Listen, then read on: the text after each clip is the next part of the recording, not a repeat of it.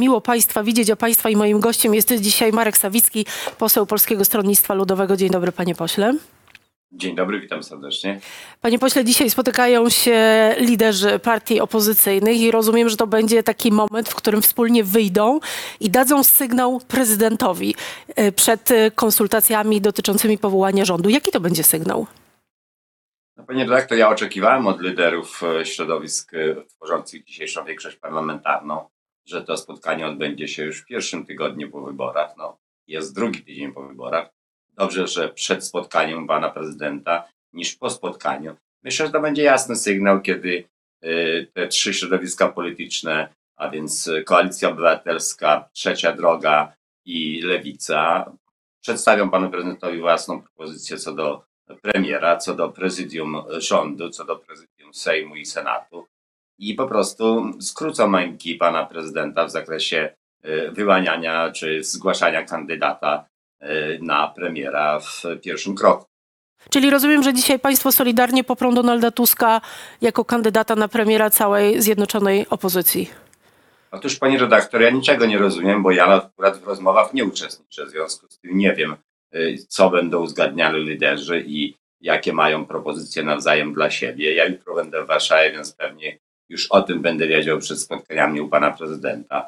Natomiast wszystko dzisiaj, wszystkie karty będą na stole, wszystko jest otwarte i jestem przekonany, że te trzy środowiska dogadają się i z pewnością y, kandydat na premiera nie poróżni y, tych y, środowisk.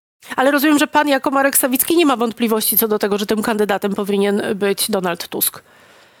Pani redaktor, pani doskonale wie, że moim najlepszym kandydatem jest oczywiście Władysław Kosiniak-Kamysz, natomiast jak się umówią, jeśli będzie to Donald Tusk, to oczywiście będzie to Donald Tusk, no to jeszcze raz podkreślam.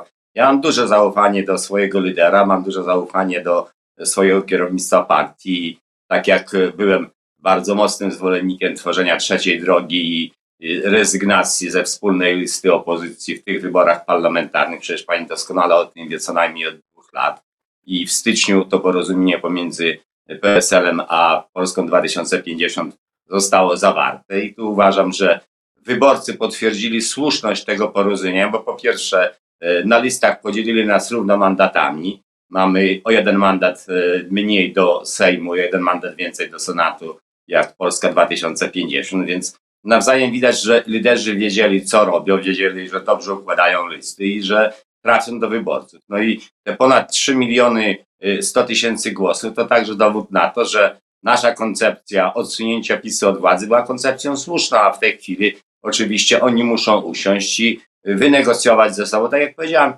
są trzy środowiska polityczne i są trzy jakby y, główne centra zarządzania państwem. To jest oczywiście w pierwszej kolejności Sejm, później Senat, a później rząd. No i rząd oczywiście jako organ wykonawczy Y, musi mieć swoją strukturę, więc y, to jest premier, to są wicepremierzy, to są komitety stałe Rady Ministrów i to są poszczególne resorty. A co by pan zrobił, albo co by pan doradził liderowi Władysławowi Kosiniakowi-Kamyszowi, y, gdyby prezydent wskazał właśnie Władysława Kosiniaka-Kamysza i powierzył jemu misję tworzenia rządu w zjednoczonej opozycji?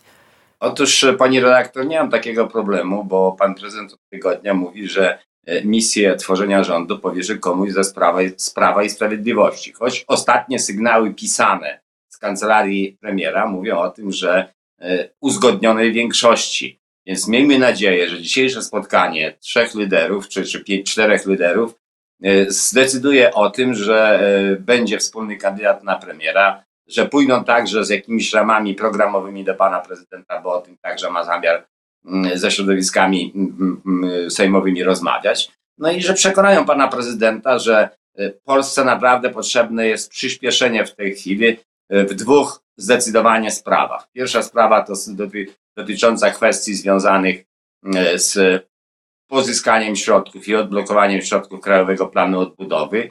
I drugie to przygotowanie budżetu na przyszły rok, bo ten budżet, który jest, jest już raz, że w trakcie realizacji za rok 23 z ogromną dziurą i dziś nie wiemy jak dużo, a ten planowany na przyszły rok jest budżetem nie, nieprawdziwym, dlatego że ten deficyt 160 paru miliardów, który zaproponowali odchodzący. 165, jest, tak. Mhm. Tak, ale, ale to, jest, to jest tylko jedna, chyba trzecia tego deficytu, bo ponad 420 miliardów jest proponowane w funduszach pozabudżetowych, więc trzeba uporządkować stan państwa, żebyśmy dokładnie wiedzieli, yy, na co nas stać i, i, i po co możemy sięgać. I to, co jest pierwsze, to wielokrotnie apelowałem o to do pana prezydenta i zanim jeszcze nawet rozpocznie dzisiaj, jutro konsultacje z partiami większości parlamentarnej, to jeszcze dziś może złożyć do y, swojego Trybunału wniosek o wycofanie sprawy dotyczącej ustawy o Sądzie Najwyższym.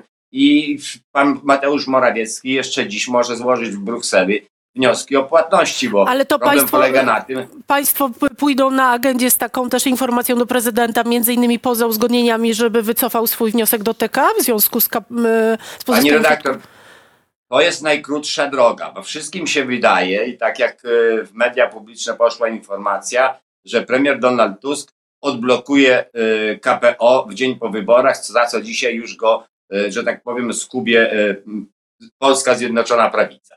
Ja chcę zwrócić uwagę na to, że jeśli chodzi o środki unijne, to nie zależą one od osobistych relacji poszczególnych polityków, tylko zależą od wzajemnych zobowiązań. I te wzajemne zobowiązania Polska negocjowała półtora roku. Pod nimi podpisy swoje złożył pan premier Mateusz Morawiecki. Na pewne sprawy, które były wątpliwe, umawiał się także z szefową komisji pan prezydent Andrzej Duda i obaj tych zobowiązań nie wypełnili. Jeśli komuś się wydaje, że bez wypełnienia tych zobowiązań jakiekolwiek pieniądze trafią do Polski, to zwyczajnie kłamie. I tu chcę jeszcze podkreślić jedną ważną rzecz. Otóż Pan premier Mateusz Morawiecki w czerwcu poprawił nasz wniosek o KPO z 36 miliardów euro na 58, a więc jest to ponad 270 miliardów złotych.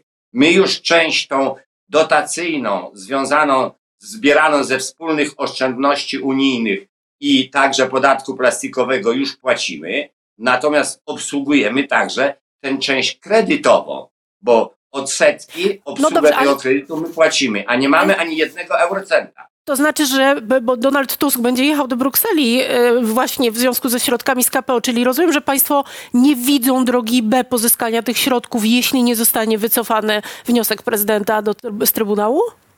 Otóż, pani redaktor, y, y, ładne oczy pana Donalda Tuska to nie wystarczą. Tu muszą pójść działania po polskiej stronie w zakresie spełnienia A kamieni nie milowych. uważa pan, że, że sam wybór e, opozycji mógłby być taką gwarancją dla Komisji Europejskiej? E, przywrócenia Panie redaktor, praworządności? Pani redaktor, gdyby tak było, to już w ubiegły poniedziałek, a już na później, najpóźniej we wtorek, kiedy Państwowa Komisja Wyborcza ogłosiła wynik wyborów, Bruksela by te pieniądze y, poprosiłaby Polskę o złożenie wniosku o płatność. A po pierwsze, Polska nie składa tego wniosku o płatność, bo wie, że nie spełnia kamieni milowych, a po drugie, Bruksela wie, że nie może dać pieniędzy tylko dlatego, że są dobre intencje w Polsce. Intencjami dobrymi piekło jest wybrukowane. Trzeba spełnić warunki, na które zgodził się Mateusz No to- Morawiecki. No ale I to w tej sytuacji Donald dzisiejszej większości parlamentarnej wiedzą. To w tej sytuacji Donald Tusk, Tusk może się nie wywiązać z tego zobowiązania, skoro ruch jest po stronie prezydenta.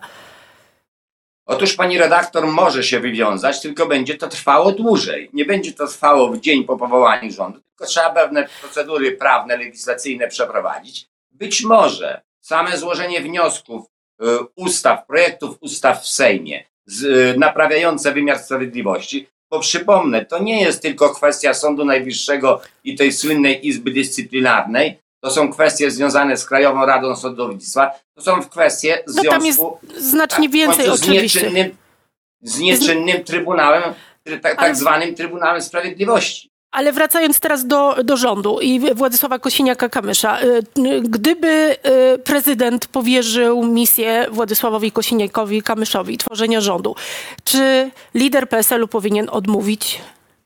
Otóż, pani redaktor, gdyby, będziemy odpowiadali wtedy, jeśli powierzy.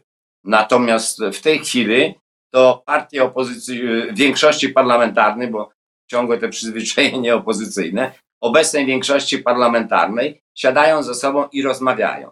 I nie mnie, posłowi szeregowemu, mówić, kogo ta e, grupa liderów wskaże na premiera. A Wiemy, że pan- jest uchwała Koalicji Obywatelskiej, jej zarządu krajowego w sprawie e, desygnowania Donalda Tuska. Nasze NKW, o ile wiem, spotyka się dzisiaj, więc też będę o tym radzić. I ja będę bacznie słuchał i obserwował, jakie są sugestie jakie są oczekiwania stron.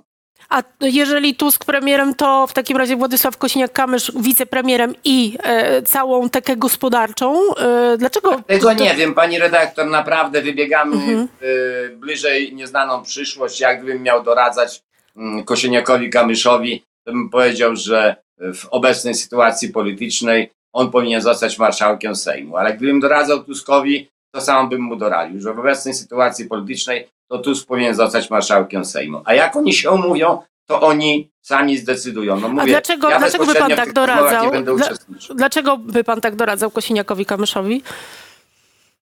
Pani redaktor, dlatego, że władza musi wrócić, władza ustawodawcza do Sejmu. To nie może być tak, że Sejm będzie kolejną maszynką do głosowania tylko tego, co proponuje rząd, że w Sejmie nie będzie debaty tak jak przez, przez ostatnie 8 lat i że Sejm będzie zastępował inicjatywy legislacyjne rządu inicjatywami poselskimi, których tryb uzgodnień jest pomijany.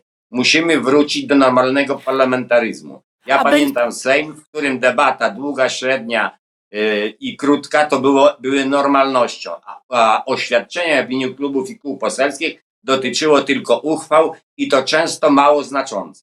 A kogo pan typuje na ministra rolnictwa, e, panie pośle? Może pan Na szczęście chciałby? wolny, na szczęście wolny jestem od tego, więc nie muszę typować. Od tego mam właśnie Kosiniaka, Kamysza i NKW. Niech oni się zastanawiają, czy w ogóle brać resort rolnictwa, czy rozmawiać o tym resorcie, czy zgłaszać kandydatów. W Polskim Stronnictwie Ludowym ja widzę kilka osób, które mogą te funkcje pełnić. To jest Kogo i Stefan przykład? Krajewski, i Mirosław Maliszewski, i chociażby Zbigniew Ziejewski. To są y, i praktycy, rolnicy, i parlamentarzyści doświadczeni, więc w każdej chwili mogą objąć e, tekę ministra, ale niewykluczone, że ona będzie przynależała do innego środowiska politycznego tworzącego dzisiejszą większość parlamentarną. Agrounia? Agrounia nie jest partnerem, tutaj Agrounia jest e, wewnątrz e, Koalicji Obywatelskiej, jest na listach Koalicji Obywatelskiej, więc, nie- być może być może kandydat Koalicji Obywatelskiej Michał Kołodziejczak rzeczywiście będzie też tym kandydatem na ministra rolnictwa. Bo czasami Kto by też... nie był, pani redaktor, życzę mu powodzenia, bo resort rolnictwa jest jednym z trudniejszych. Ja mam za sobą 7 lat doświadczeń jako minister rolnictwa i wiem, jak bardzo jest to ciężki kawałek chleba. I jeszcze na jedno zwracam uwagę. Sugeruję umawiającym się stronom. To jest zbyt ważny resort, ale niestety już dzisiaj zarządzany w dużym stopniu z Brukseli, a nie tu z naszego obszaru, bo i środki unijne, i pomoc publiczna, na którą trzeba mieć zgodę Komisji Europejskiej, to wszystko rozstrzyga się w Brukseli. Czyli nie chcieliby Państwo byłoby- brać na siebie odpowiedzialności za trudne decyzje, jak rozumiem, bo tam też trzeba pani będzie redaktor, uzgodnić nie pewne kwestie z kwestia- innymi koalicjantami, prawda? Jak chociażby chów klatkowy. To nie jest kwestia brania odpowiedzialności, to jest kwestia odpowiedzialności w ogóle za funkcjonowanie państwa i całego rolnictwa. Jeśli mówię o tym elemencie unijnym, który ma wpływ na polskie rolnictwo, to musi być tu ścisły związek ministra rolnictwa z premierem i ministrem spraw zagranicznych, bo to oni w głównej mierze na Radzie Unii Europejskiej i na e, Komitecie Ministrów Spraw Zagranicznych decydują także o sprawach rolnych to nawet nie komisarz rolnictwa, który jest bardzo słaby i ma niską pozycję w Brukseli, jest głównym rozgrywającym, to właśnie Rada Unii Europejskiej. Wspomniała Pani o chowie klatkowym. Chcę Pani wyraźnie oświadczyć, że chów klatkowy sam odejdzie, że tak powiem, do historii, bo wiemy, że już dzisiaj futerka nie są potrzebne, że utylizacją tego, co zjadają zwierzęta e, futerkowe, może, mo, mogą zająć się doskonale biogazownie rolnicze. Tym ludziom tylko trzeba powiedzieć, że dajemy Wam czas 5, maksymalnie 7 lat na to, żebyście się przebranżowili i po 7 latach ta hodowla w Polsce nie jest Czyli, konieczna, czyli, bo nie ma już dzisiaj rynkowego uzasadnienia. Czyli tutaj nie będzie sporu, ale chciałabym zapytać, czy PSL będzie kładł się rejtanem, jeśli chodzi o kwestię aborcji? Bo lewica jest, No to jest bardzo, bardzo- stanowcza. To jest bardzo ważny problem i jak pani wie, PSL i trzecia droga, także Polska 2050 w tej sprawie od samego początku mają jasne stanowisko. Na dwa kroki. Pierwsze przywrócenie kompromisu aborcyjnego, drugie kwestia rozpisania ogólnokrajowego referendum. Jak państwo to Jako chcą pogodzić z koalicjantem, jeśli, jeśli koalicjant mówi aborcja dozwolona do 12 tygodnia, oczywiście po konsultacjach? Pani redaktor, koalicjant może mówić wszystko. Można uprawiać politykę życzeniową, a można uprawiać politykę skuteczną.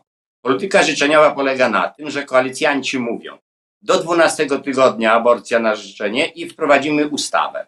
I wiedzą o tym, że, przez najbliższe dwa lata prezydent Andrzej Duda żadnej liberalizacji nie podpisze, nawet w takim zakresie. Ale jestem przekonany, że jeśli wróciłby kompromis aborcyjny, to jest szansa, że prezydent to podpisze Czyli i możemy rozpisać referendum. I w rok czasu możemy mieć kwestię rozwiązaną, jeśli jest tak, jak twierdzą zwolennicy aborcji do 12 tygodnia życia, że za tym jest 70-80% polskiego społeczeństwa, no to w czym problem? Rozpiszemy referendum i w rok czasu mamy temat już- załatwiony. Ja mam już- wrażenie, Już widzimy, mi jakie, jakie są... Mhm, bardzo proszę. Pani redaktor, ja mam wrażenie właśnie, że i Koalicja Obywatelska, i Lewica tym problemem nadal chce grać przez dwa lata, a my im dajemy drogę prostszą. Rozwiązanie problemu w jeden rok. Panie pośle, czy dochodziły do państwa sygnały, że jesteście podsłuchiwani jako trzecia droga? No, pani redaktor, poza panem Wojtunikiem, to nikt z nas nie ma tak dobrych relacji z CBA, żeby nawet jeszcze nas podsłuchiwali, to za, najpierw zanim te podsłuchy włączą, to nas poinformowali. Czy pani sobie przypomina, żeby, y, że tak powiem, przed faktem ktoś z podsłuchiwanych Pegasusem był o tym informowany? Gazeta Wyborcza dzisiaj? Gazeta Wyborcza dzisiaj ujawniła, że dotarła do notatki, gdzie e, trafiały do państwa takie ostrzeżenia od ludzi z służb, że, że mają pełne przyzwolenie na podsłuchiwanie i że zalecają, żeby spotkania odbywały się bez telefonów. Gazeta Wyborcza ma szczególny dar docierania do różnych dokumentów i informacji, które nie zawsze później się potwierdzają. Ale To to pan nie wierzy w to? Ale to pan nie wierzy w to? Dochodzi- Pani redaktor, to dotyczyło chociażby powstawania trzeciej drogi i kwestii y, rezygnacji z jednej listy. Tam też było dużo insynuacji, niedomówień, nawet imiennie mówiłem o tym, którzy dziennikarze takie rzeczy robili. Dziś już puszczam to w niepamięć. Ale to znaczy, że ja pan nie, nie wierzy wiem. w podsłuchiwanie? U- Uważa pan, że w ogóle nic Pani- takiego pani nie miało redaktor. miejsca? To jaki byłby cel tej redaktor. wypowiedzi pana Wojtunika? To nie, jest, to nie jest kwestia wiary, to jest kwestia dowodów. Ja tych dowodów nie znam. Więc ja nie wiem, czy byłem podsłuchiwany, czy nie byłem podsłuchiwany. Na szczęście mówię, już nie jestem liderem negocjującym kształt przyszłego rządu i prezydium Sejmu czy Senatu, więc być może mnie nie podsłuchiwali, a być może podsłuchiwali, ale nie mam nic do ukrycia, proszę bardzo, niech słuchają. A byłby pan za likwidacją CBA w takim razie? Otóż pani redaktor, służby specjalne tak muszą być mocno przeorganizowane, przeorane. CBA nie jest żadną, żadnym centralnym biurem antykorupcyjnym, jest tylko i wyłącznie przybudówką polityczną Prawa i Sprawiedliwości. I tak jak Donald Tusk e, błędnie zostawił to CBA w poprzedniej formule w roku 2007 z Mariuszem Kamińskim na czele, tak w tej chwili tego błędu po raz kolejny popełnić nie może. Czyli likwidacja. Likwidacja i przeniesienie tych zadań chociażby do CBS-u. Panie pośle, chciałam by pana zapytać o to, czy jak pan słucha m, Marcina Mastalerka, który mówi o Jarosławie Kaczyńskim, pytany o to, czy powinien mm, odejść na emeryturę, mówi tak, to jak pan czyta taki y, sygnał za chwilę już prezydenckiego ministra w mediach ogólnopolskich pod kątem Prawa i Sprawiedliwości? Otóż pani redaktor, mimo że to jest moja dziewiąta kadencja, ale całą tę kampanię prowadziłem razem z całą listą i także z młodszymi koleżankami i kolegami na mojej liście i w każdym powiecie, w każdym terenie, gdzie byłem, to promowałem młodych. Bo uważam, że przychodzi taki czas, kiedy starsi ewentualnie niech służą doświadczeniem i doradzają, ale zarządzanie, decyzje muszą należeć do ludzi młodych. I to doskonale także rozumie pan Mastalerek i z tym apelem także zwraca się do prezesa Kaczyńskiego. Powiem szczerze, że prawie 75 lat, jakie już za chwilę Jarosław Kaczyński będzie miał, to jest rzeczywiście nawet dobry wiek e, papieski do tego, żeby się zastanowić, czy jeszcze kontynuować swoją aktywność polityczną, czy już rzeczywiście dać szansę młodszym, mniej, że tak powiem, obciążonym doświadczeniem, może skłonniejszym do podejmowania ry- ryzyka, więc ja też uważam, że w Polskim Stronnictwie Ludowym od przynajmniej 30 lat liderami są młodzi ludzie. Przypomnę, Waldemar Pawlak, Jarosław Kalinowski, teraz Władysław Kosiniak-Kamysz. Podaje nam, możliwość odbudowy, odświeżania i mimo, że jesteśmy najstarszą partią i mamy w swoich szeregach dużo osób po 80, to jednak także zarządzanie oddajemy młodym i z pełnym zaufaniem robimy to, co wspólnie uzgodnimy. Czyli pan uważa, że y, Andrzej Duda może stać się takim przywódcą w, na, na, na, w Prawie i Sprawiedliwości, jeśli odszedłby Jarosław Kaczyński? Otóż Andrzej Duda miał szansę przez ostatnie sześć lat stać się mężem stanu i przywódcą, prezydentem wszystkich Polaków. Wielokrotnie pokazał, że prezydentem wszystkich Polaków nie jest. W związku z tym, jak nie potrafił być prezydentem wszystkich Polaków i nie potrafi, to jestem przekonany, że także nie będzie potrafił być prezesem całego Prawa i Sprawiedliwości. Zresztą nie pamiętam sytuacji, w której były prezydent Rzeczpospolitej, yy, kończąc swoje kadencje, przechodził na funkcję szefa jakiejkolwiek partii i funkcjonował czynnie jako polityk. Czyli rozumiem, że. Yy, a, a, widzi pan taką szansę, że skoro prezydent poprzez takie słowa Marcina Mastalerka trochę się uniezależnia od decyzji yy, Prawa i Sprawiedliwości, to może to jest jednak dobra wróżba, jeśli chodzi o współpracę z opozycją? Nie po gestach, a po czynach ich poznacie, nie po zapowiedziach. Jeszcze raz podkreślam, jeśli pan prezydent złoży dzisiaj wniosek do Trybunału Julii Przyłębskiej wycofujący sprawę y, ustawy o Sądzie Najwyższym, jeśli pan prezydent powoła kandydata wskazanego przez obecną większość parlamentarną na premiera, to być może będzie jakiś sygnał. Jeśli pan prezydent nie będzie wetował ustaw, które będą naprawiały wymiar sprawiedliwości i odpolityczniały polskie państwo, to będzie to sygnał, że być może pan prezydent y, dojrzał. Natomiast jeśli będzie nadal wykonywał polecenia z Nowogrodzkiej i zajmował się tylko i wyłącznie pilnowaniem interesów jednej partii politycznej, no to nie jest to prezydent wszystkich Ale- Polaków. Ale pan uważa, że jednak powierzy misję tworzenia rządu PiSowi. Po co?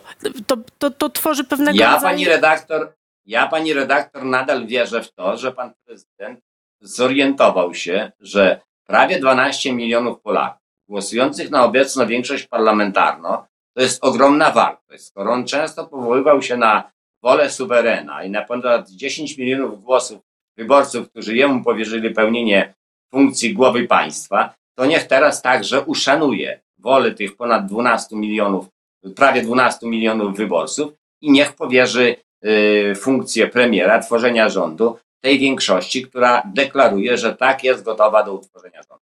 A Jarosław Kaczyński pana zdaniem powinien ponieść odpowiedzialność polityczną za, za wynik wyborczy? A to jest problem Prawa i Sprawiedliwości. Nie mnie rozliczać Jarosława Kaczyńskiego i wtrącać się sprawy PiSu. Po prostu zwyczajnie mnie aż bardzo tak to nie zajmuje. Szkoda zajmować się czymś, y, od czego Polska w coraz mniejszym stopniu będzie zależeć, bo dekompozycja po stronie PiSu w tej chwili jest nieunikniona. Pan uważa, że będzie dekompozycja po stronie PiSu? Oczywiście, że tak. No przecież nie po to Zbigniew Ziobro dopilnował list, żeby wprowadzić 18 ludzi. Ja jestem przekonany, że kolejnych 10 już czeka w kolejce do tego, żeby przejść do klubu Zbigniewa Ziobry, że będą mieli gwarancję, że przynajmniej y, część materiałów, które on zgromadził i jego ludzie y, będą na odpowiedni czas zabezpieczone. I w związku z tym przecież wiemy doskonale, że relacje między Zbigniewem Ziobrą a, a, a premierem Morawieckim czy Beato Szydło były y, bardzo cały czas napięte. No i nie jest żadną tajemnicą, że głównym odpowiedzialnym za nie pozyskanie pieniędzy z KPO przez już ponad 900 dni te pieniądze powinni pracować w polskiej gospodarce, jest winien Zbigniew Ziobro i jego środowisko polityczne. I Mateusz Morawiecki, przez niego zwany miękkiszonem, zwyczajnie przestraszył się swojego ministra. A uważa pan, yy, że uda się opozycji przejąć część posłów Prawa i Sprawiedliwości? Chociażby takich bardziej Pytanie, a pytanie, pani redaktor, po co? Pytanie po co? po to, żeby zwiększyć swoją siłę głosu. Bo by No pewnie nie do sądzę, odrzucenia żebyśmy- weta prezydenta się pewnie Nie nie, sądzę, uda. żebyśmy byli w stanie przejąć na tyle posłów e, Prawa i Sprawiedliwości, żeby mieć większość do odrzucenia weta, ale oczywiście, jeśli będą tacy chętni i, i skruszeni przyjdą do dzisiejszej większości parlamentarnej z wolą współpracy, to ja uważam, że nie trzeba im zamykać drzwi. A opozycja powinna wyjść do nich, czy to czekać, aż oni przyjdą? Ja myślę, że na razie opozycja powinna się skupić na e, ramach e, programowych, które chce realizować i tak jak wielokrotnie tworzyłem różne koalicje, zasady są bardzo proste. Najpierw ustalamy kwestie, które nas łączą, nie mamy co do nich wątpliwości, wpisujemy w umowę koalicyjną, później kwestie sporne, które wiemy, że możemy w negocjacjach jeszcze wydyskutować i uzgodnić. I w sprawach, w których się kompletnie nie zgadzamy i nie ma szans na to, żebyśmy się dogadali, do umowy koalicyjnej nie wpisujemy i nie y, wprowadzamy ich do Sejmu przeciwko sobie. A umowa koalicyjna będzie publiczna? W mojej ocenie tak. Takie są zapowiedzi liderów tych trzech środowisk politycznych. Tak jak publiczna jest umowa pomiędzy y, Polskim Stronnictwem Ludowym a Polską 2050.